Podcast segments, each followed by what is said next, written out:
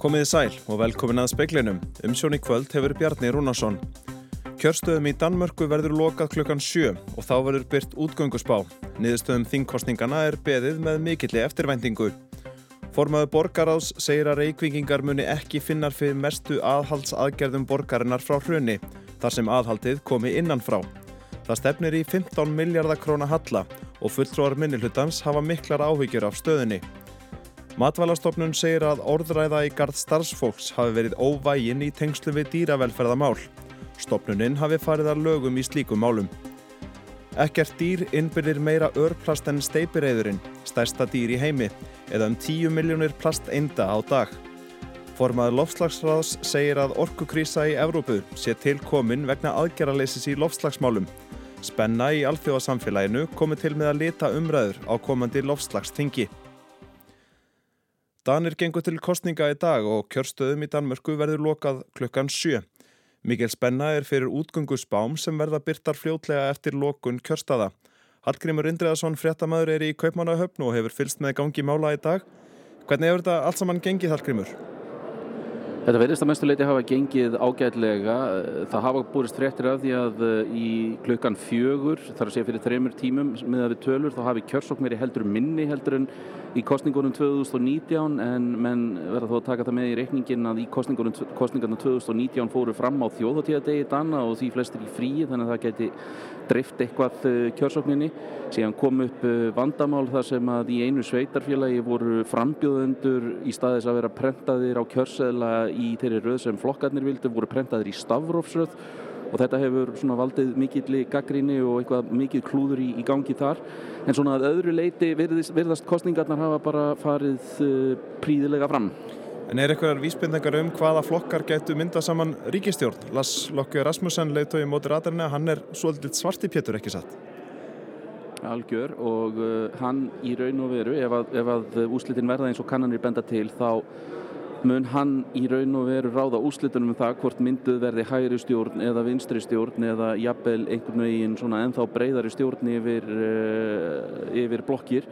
Uh, Lars Lökke hefur sagt að hann vilji, gera, vilji mynda slíka stjórn og Mette Fredriksen sagði í gerðkvöld að hún uh, myndi fyrst kanna möguleika á svoleiðis slíkri ríkistjórn þrátt fyrir að vinstri blokkin fengi meiri hluta Eh, hægri blokkin hefur hins vegar alveg útilokað að það verði mynduð stjórn yfir blokkir. Eh, en eh, hvað það síðan þýðir á eftir að koma í ljós Lars Lökke hefur haldið öllum spilum þjætt að sér verið þráspurður um það hvenar hann gefi upp hver, vilja, hver hann vilja að verði fósættisáðura hann hefur ekkert gefið upp um það hvorki hvenar hann gefið það upp nýja hvernig hann vilja verði fósættisáðura þannig að það verður væntalega einhver spenna í þessu svona, hvað er maður að segja öruglega ekki sem endist lengra heldur en fram á kvöldið og nóttina. Við fylgjum spennt með og það við vonumst til að geta greint frá útgöngusbám Danska Ríkisútrasins í sjóarsfrettum klukkan 7. Formaður borgaráðs segir íbúa Reykjavíkur ekki finna fyrir niðurskurðar aðgerðum sem ráðist verður í til þess að takast á við 15 miljardar króna hallaregstur borgarinnar. Ótvitar minnilhutans hafa miklar áhyggjur af stöðinni. Hildur Björnsdóttir, sjálfstæðisflokki, segir meirulhutan klúra málunum og það er nærið því sexfaldur halli á við áallanir sem byrtist okkur á síðast ári þannig að við höfum djúpar áhugir. En þessi skýring sem að eh, borgarstjóruðum sagt að við eitthvað þingst sem er þessi vanfjármögnun á hálfu ríkisins? Já, það er þessi málaflokkur fallarsfólks og það kom fram í ræði borgarstjóru að hann hafi kostað um 6,7 miljardar árið 2021, eflust eitthvað sambarilegt í ár.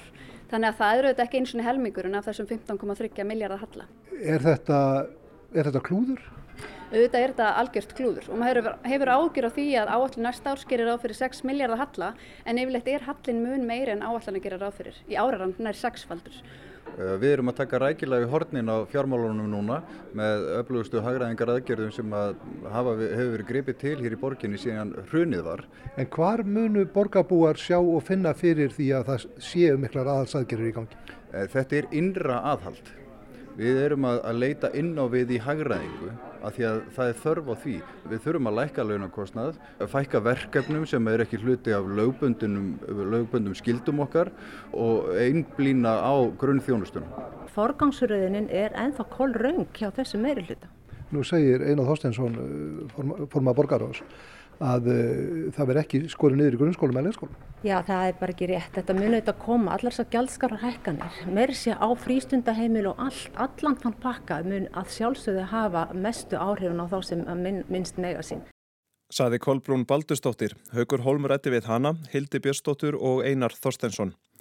Forsvarsmenn matvælastofnunar segja að stofnunin hafi í öllu farið að lögum og verkferðlum í samskiptum sína við bændur sem sagaðir hafi verið um illa meðferð hústýra. Þau segjast hafa séð sig knúin til að grípa til ansvara, ekki síst vegna óvænar orðræðu í garð starfsfólks. Dýravendunar sinnar lístu nýverið þungum áhyggjum af velferð hrossa í borgarfyrði og byndust öll spjótað matvælastofnun fyrir að grípa ekki fyrr inn í. Skömmu síðar voru sömu bændur harðlega gaggrindir fyrir illa með ferðnautgripa og sögðfjár. Nágrannar sögðust í báðum tilvikum hafa marg kvartað til mast en þau hafi talað fyrir döfum eirum. Matvælastofnun segir sem áður að starfsfólki þess sé meinað að tjá sig um einstök mál. Stopnunin sér sig hins vegar knúna til þess að grípa til andsvara eins og það er orðað og reyna að skýra verkferðla sína. Í málum er varða velferð dýra sem séu ekki alltaf sínilegir almenningi. Stopnunin ítrekkar að sangamt stjórnsýslu lögum beri að beita vægasta úrræði hverju sinni til að ná fram úrbótum. Umsjáraðilar dýrana fái fyrst tækifæri til þess að bregðast við ábendingum um nöðsynlegar úrbætur en bregðist þeir ekki við þá fyrst hafi mast heimil til þess að beita þvingunum, til dæmis í formi sekta. Að taka dýr frá umsjáraðila sé aðeins gert ef fyrri leiðir séu full reyndar og að vel ígrunduðu máli. Stopnunin vísar svo sjálf í fyrirnemtu málum vannarða búfjanaðin og staðfestir að dýrin hafi verið tekin af eiganda en gefur einnig upp að það hafi ekki verið fyrstu aðgerðir mast í málinu. Ólafrún Erlendsdóttir tók saman. Steipireyðar innbyrða um 10 miljónir plasteinda á dag. Þetta er niðurstaða rannsóknar á um 200 kvölum við strendur Kaliforníu. Örplast hefur fundist í um 1500 viltum dýrategundum en ekkert þeirra innbyrðir meira örplast en stærsta dýr í heimi. Samkvæmt nýbyrtri rannsókn frá Kaliforníu sem fyldist með ferðum og vennjum tæplega 200 kvala geta steipirreiðar og aðrir stórir kvalir gerðan á 50 til 250 metra dýpi þar sem mest er af örplasti. Rannsóknin bendir til þess að kvalinir geti innbyrt meira en miljard plasteinda á ári. Daglega geta steipirreðar um 44 kíló af örplasti sem er álíka þungt og 12 ára barn. Rannsóknin bendir til þessa hilsu steipirreðast hafi meiri ókn af örplasti en áður var gert ráð fyrir. Slikt magn af plasti geti auðveldlega valdið eitrunum eða veikindum hjá kvölum. Núfu bakurinn innbyrðir einnig afar mikið örplast um fjórar miljónir plastenda á dag. Talið er að örplast í hafinu munu aukast á komandi árum. Slikt plast hefur fundist víða allt frá dýpstu höfum til hæstu tinda. Ísland er engin undantækning. Skoðun á íslenskum sjófuglum leiti ljós örplast í sjö af hverjum tíu fílum við strendur Íslands. Pétur Magnússon saði frá. Skilirði sem framkvæmdastjórn Európusambandsins setti fyrir samruna fiskeldisreisana Salmar og NTS urðu til þess að saminað fyrirtæki seldi rúmlega helmings hlut sinn í Arctic Fish sem stafrækir umfangsmikið fiskaldi á vestfjörðum. Kaupandin er Movi, stærsta fyrirtæki heims á sviði fiskaldis. Fyrirtækið greiðir andverið 26,5 miljardar króna fyrir starfseminna á Íslandi. Tilkynnt varum viðskiptin í kaupöldunni í Oslo í gær. Nánarum þetta á rúf.is.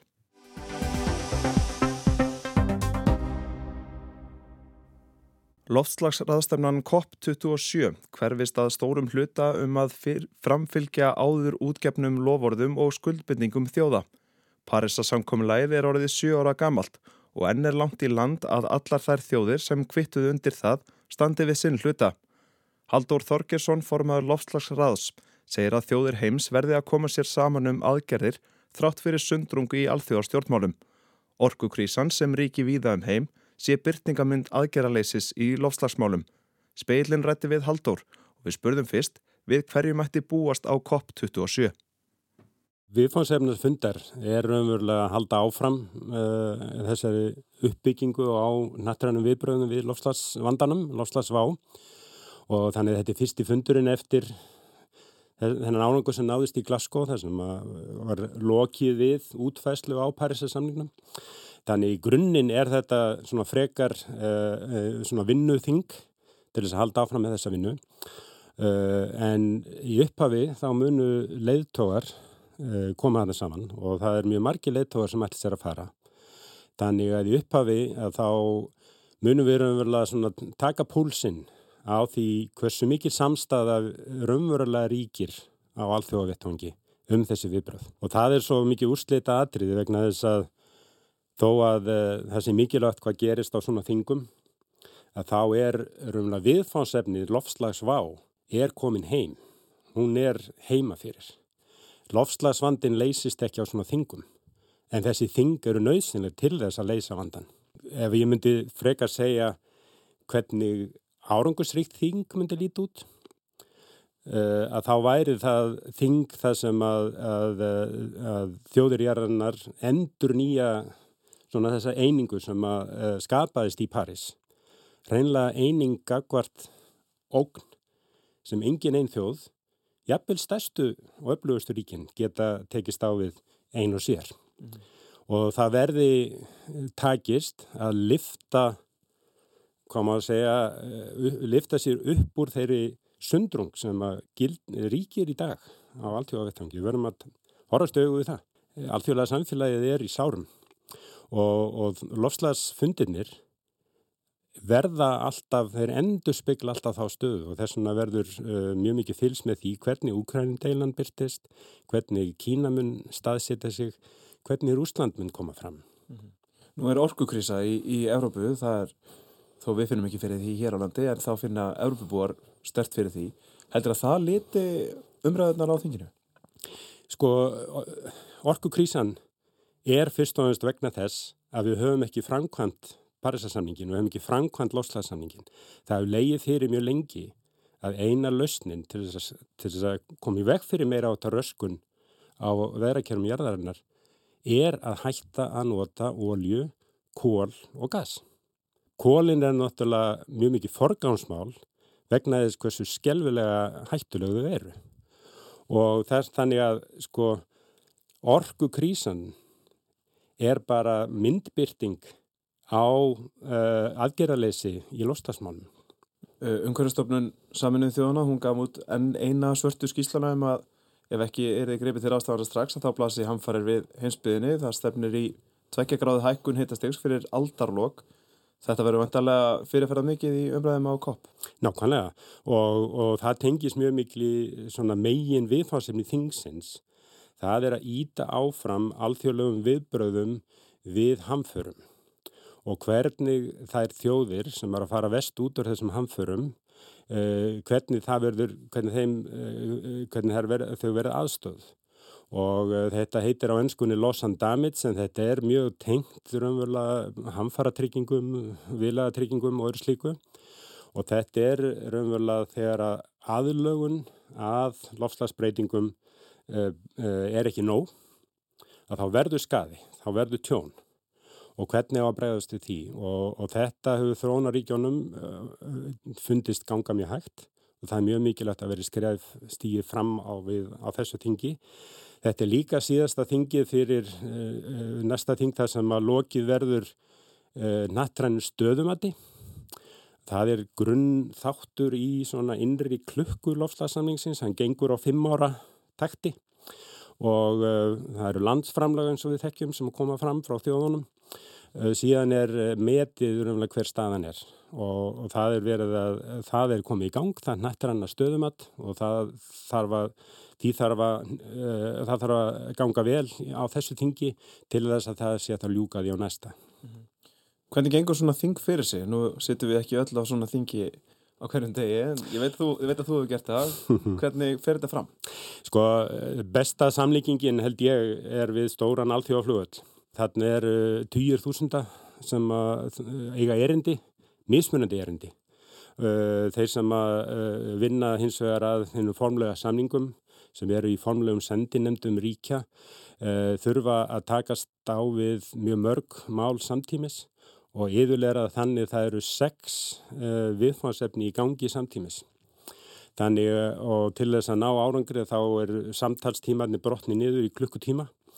Þannig að fólk er sem að vinnur samningafólkið þarna, þetta er, þetta er rosalega törn og síðan þarf að því að það er allt ákveðið, það er ekkert ákveðið fyrir en allt er ákveðið og þess vegna er alltaf uh, spenna í kringum loka, uh, lok, lokvinnunar og, og, og hvernig þessu verður öllu uh, náð saman. Þannig er hins vegar mjög margir sem eru ekki í samningavinnunni, eru fyrst og hannst í að, að veita aðhald og líka að, að, að vinna saman að lausnum og það er alltaf að, því, það er alltaf, er alltaf fjölga því, því fólki sem kemur á þessi þing ekki til að það, taka þátt í þingstörfum heldur til þess að kynast hvert öðru og vekja aðtikli á lausnum vegna þess að þetta er náttúrulega þau eru uppið staðið á snýst um fjárfyrstingar, þetta um tækni, þetta snýst um uh, að ná árangri heima fyrir. Mm -hmm. Við hverju býstu svona, einmitt, það er spenna í allþjóða samfélaginu, stjórnmála samfélaginu Hvernig heldur það að þjóðunum nái að ná samkominlega núna um þessa loka neðist?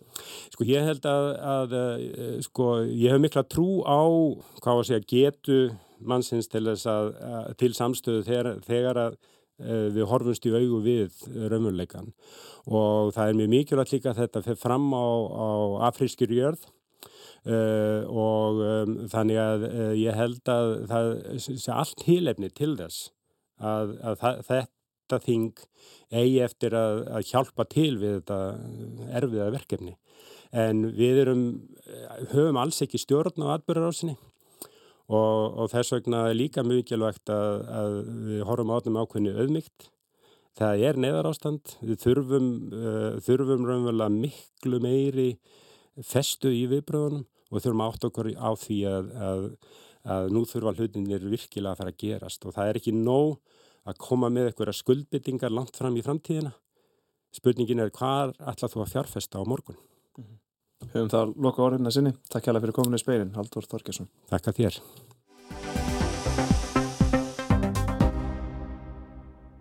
Um helgina er formannskjör og dagskrá landsfundar sjálfstæðisflokksins. Sittjandi formaður er Bjarni Bendiktsson fjármálar á þeirra. Bjarni hefur verið formaður flokksins frá 2009 og gefur kost á sér áfram.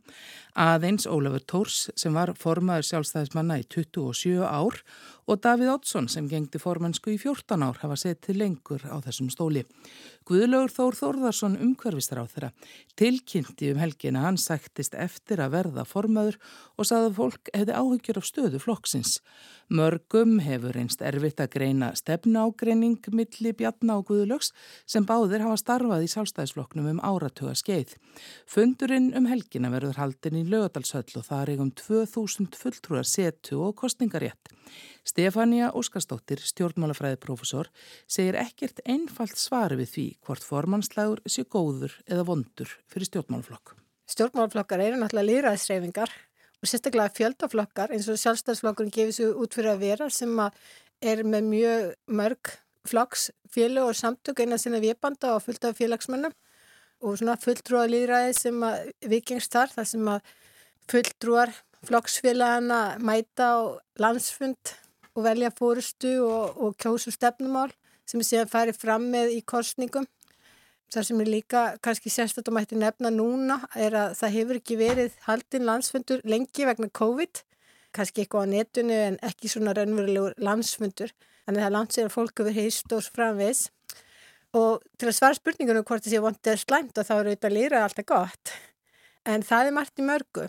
Og það hefur ekki verið svona, það hefur ekki gerst hinga til að sitjandi formaður sem er átviti í ríkistjórnarsamstarfi sem er ný gengin inn í stjórnarsamstarf sem er sko ekki orðið áskamalt tæft ár síðan það var endun í að slíkur formaður hefur ekki fengið mótframbóð fyrr, þannig að það er nýtt Fái Bjarni góða kostningu verð þá hann með þetta styrkur. Tapi hann og Guðlaugur vinni eru það nýjum formanni áskorun að ganga inn í ríkistjórnarsamstarf sem er hafið þó svo að Guðlaugur séu þetta þegar þáttakandi í því sem er á þeirra. Og svo verður það líka áskorun fyrir hann að alltaf leiða þingflokk þar sem að flestir voru ekki hans stöðningsmenn. Þa, það er því þá töluvert svona bastli byrjun og líka samfara, átvita hinn af flokkana, samfara þá um að að línur séu enn óbreyttar. Stefana segir það hafa komið sér á óvart í síðustu viku að heyra Guðlaugur íhugaði frambóð sem hann svo tilkynnt um helgina. Í sjálfu sér hafi engin ný staða í flokknum kallað á mótframbóð. Lengi, lengi hefur auðvitað sko, verið svona andröður gegn Bjarnabindi sinni í samfélaginu og líka einhver leiti innan sálstæðsflokksins en hann hefur þó ætti staðið allt af sér og líka þegar hann hefur fengið mótframbóð farið með Sigur og Holmi í, í slíkum kostningum en hann hefur ekki fengið slitt mótframbóðuna lengi lengi eh, áratug. Hún tekur undir að ekki blasið mikil átökum stefnu þeirra á milli, frekar snúist þetta um persónlegan metna. Ef gengið sér út frá því að einhverjir kísu frekar sjálfstæðisflokkin undir formænsku annars sem bjarna, þá gildi það ábyggilega líka að einhverjir kísu ekki flokk þar sem guðlugur væri formaður.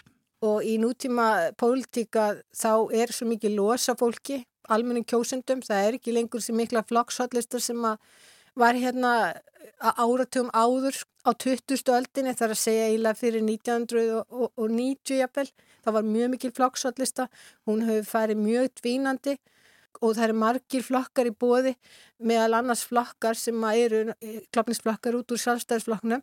Hvað ég segja, fyrirvendur núverandi kjósundi sjálfstæðisflokks geta valið á milli og svo þetta framsnaflokkurinn og bara fleiri flokkar því að oft er hann líka þannig það er svo lítill munur á millið þessara flokkar sem er að bjóða fram. Þeir eru allir í að keppa um miðjufylgið Samfylkingin held sinn landsfundum síðustu helgi. Þar var kosin nýfórusta, reyndust sjálf kjörin í embætti formans og varaformans þau Kristrún Frostadóttir og Guðmundur Átni Stefánsson. Þar eru aðrar aðstæður uppi en hjá sjálfstæðismennum, segi Stefania.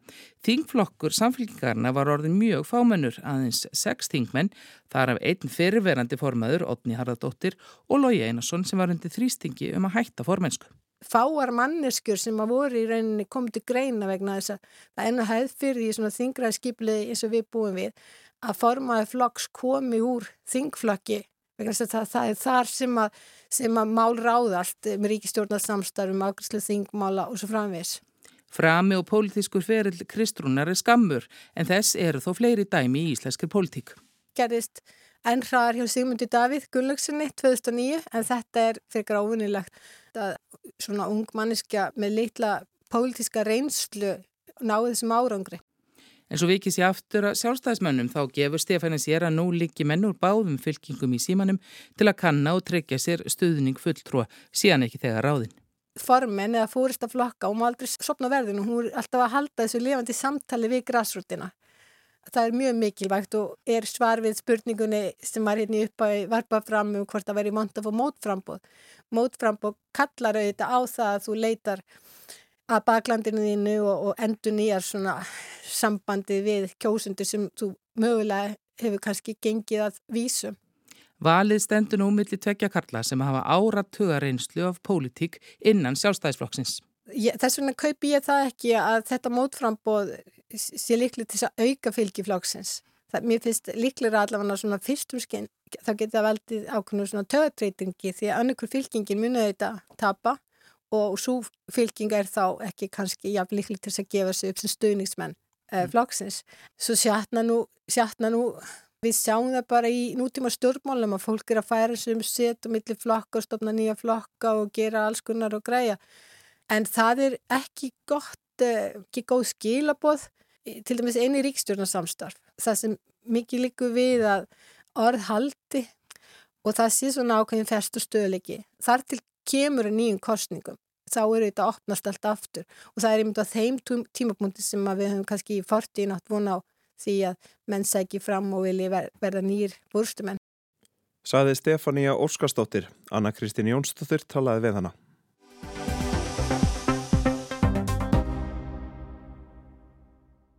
Nýlokið er æsispennandi fórsettakostningum í Brasilíu þar sem munurinn á fylgi frambjóðenda hefði vart geta verið minni. Í Danmörku eru þingkostningar í dag þar sem útilokað er að spá fyrir um hvort mið og vinstri eða mið og hægri stjórn verður við völd á næsta kjörtímabili og í Ísrael eru enn einar kostningarnar þær 50 á innan við fjórum árum. Þar sína skoðanakannanir að undan förnu að þau mögulega kemst flokka blokk hægri flokka til valda undir fóristu Benjamins Netanyahús fyrirverandi forsættisráþara. Politist þrátefli hefur verið í Ísrael síðustu ár með þeim afleðingum að ríkistjórnir hafa sundrast og aftur og aftur hefur verið bóða til þingkostninga. Gideon Rahat, professor í stjórnmálafræði við Hebraska háskólan í Jérúsalem, segir að kostningarnar í dag séu í raun fymta þjóðaratkvæðagreðslan um Benjamin Netanyahu. Well, that's number uh, five referendum on Netanyahu, yes or no. Gideon Rahat segir að þrótt fyrir að Netanyahu hafi mikið fylgi meðal trúaðra hægri manna hafa hann vantað nokkuð upp á að tryggja sér 61 þingsæti á Knesset Ísraelska þinginu. Það sem flækir málið er að þótt andstæðingar Netanyahus séu í meiri hluta eru þeir sundraðir í hægri, mið og vinstri flokkum án sterks leðtóa sem getur samænað á. The people who are against him, they don't have a specific uh, leader they are spread all over the right, the center and the left. So there is a majority against him, but this majority is not cohesive. Benjamin Netanyahu er orðin 73 ára. Hann gengdi ennbætti forsættisráþara Ísraels frá 1996 til 1999 og frá 2009 þar til í fyrra. Þá tókst Jair Lapid anstæðingi hans óvænt að smala saman flokkum sem áttu ekkert sameinlegt annað en andstöðu sína við leðtóan. Sú stjórn sprakk í júni og Lapid hefur síðan verið forsættis ráð þeirra til bráðabyrða. Frettaskýrendur telja að kostningarnar í dag séu síðasta tækifæri Netanyahus til að komast til valda á ný. Líkút flokkur hans er með mest fylgi á hægri vagnum. Þar eru einni flokkar stráng trúaðra gýðinga og bandalag tveggja flokka öfgasinnaðra þjóðirnisinna sem kalla sig trúaða síjónista. Það hefur eh, sótt mjög í sig veðrið í skoðanakonunum að undanförnu. Gítjón Rahat segir að vinsaldir þessa auka flokks séu fyrst og fremst til komnar vegna þess að kostningabaróttan hafi ekki snúist um annað en afstöðuna til Benjamins Netanyahus. Well, I think the growing popularity of this party is probably uh, first because the, these elections are so uh, frozen in terms of political camps pro and against Netanyahu Gideon Rahat bætir við að tíðindunum af þessum vinsaldum trúaðra síjónista hafi verið vel tekið bæði af Ísraelskum fjölmiðlum og almenningi en raunar hafi einungis orðið tilfærsla millir flokka og blokka í herbúðum Netanyahus. But it's all about internal competition within the pro-Netanyahu camp. Forsvarsmenn flokkablokkarinnar trúaðra síjónista þykja harðir í horna taka. Annar þeirra, Ítamar Ben Gvir, fylgdi á sínum tíma að máli rassista og þjóðverðnis öfga samtökunum Meir Kahane sem bandaríska utanrikisráðunettið flokkaði til hriðjverka hópa. Að mati fréttaskýrenda kann það að flækja samskipti Ísraels við Erlend ríki ef slíkur öfgaflokkur fær aðvilda næstu ríkistjórn landsins. Kjörsókn í þingkostningunum í Ísraeli fyrra var rúmlega 67%. Um fjögurleitið í dag að staðartíma var hún komin í rúmlega 47%, það er rúmlega 5% stegu meira enn í fyrra og svo mesta frá árinu 1999. Leittóar stærstu flokkana lögðu á það áherslu þegar þeir mættu að kjörstaði morgun að sem flestir ættu að greiða atkvæði. Á nýlegum kostningafundi skoraði Netanyahu á viðstata að mæta og þrýsta á nágranna sína og ættingi að gera hið sama. Engin ætti að sitja heima á svo mikilvægri stundu. En samkvamt nýjustu skoðanakonunum í Ísrael er óvist að þið pólitiska landslag sé að farað breytast. Netanyahu blokkinni er spáð 60 þingsætum, anstaðingum hans 56 og að Ísraelskir arabar fái þau fjögur sem upp á vandar. Þeir hafa líst við yfir að þeir ætli hvoruga blokkina að styðja. Ásker Tómasson tók saman. Það var helst í speklinum í kvöld að kjörstöðum í Danmörku verður lokað klukkan sjö og þá verður byrt útgöngu spá. Niðurstöðum þingkostningana er beðið með mikilli eftirvendingu. Formaður borgaráð segir að reikvikingar muni ekki finna fyrir mestu aðhaldsaðgerðum borgarinnar frá hruni, þar sem aðhaldið komi innan frá. Það stefnir í 15 miljardar króna halla og fulltrór minnilhutans hafa miklar áhyggjur af stöðunni. Matvælastofnun segir að orðræða í garð starfsfólks hafi verið óvægin í tengslu við dýravelferðamál. Stofnuninn hafi farið að lögum í slíku málum. Formaður loftslagsraðs segir að orkukrísa í Evrópu sé til komin vegna aðgerraleysis í loftslagsmálum. Spenna í alþjóðasamfélaginu komið til með að leta umræður á komandi loftslagstingi. Og hér er nýfrétt kvikmyndin Dýrið í leikstjórn Valdimas Jóhannessonar vann í kvöld kvikmyndaverlun Norðurlandaraðs en tilkynnt varum valið á þingiráðsins í Helsingi nú rétt í þessu. Nánar um það á rúp.is. Fleira er ekki í speklinum í kvöld. Tæknimaður var Mark Eldred, frétta útsendingu stjórnaði Ingeborg Sara Guimundsdóttir. Njóti kvöldsins og verði sæl.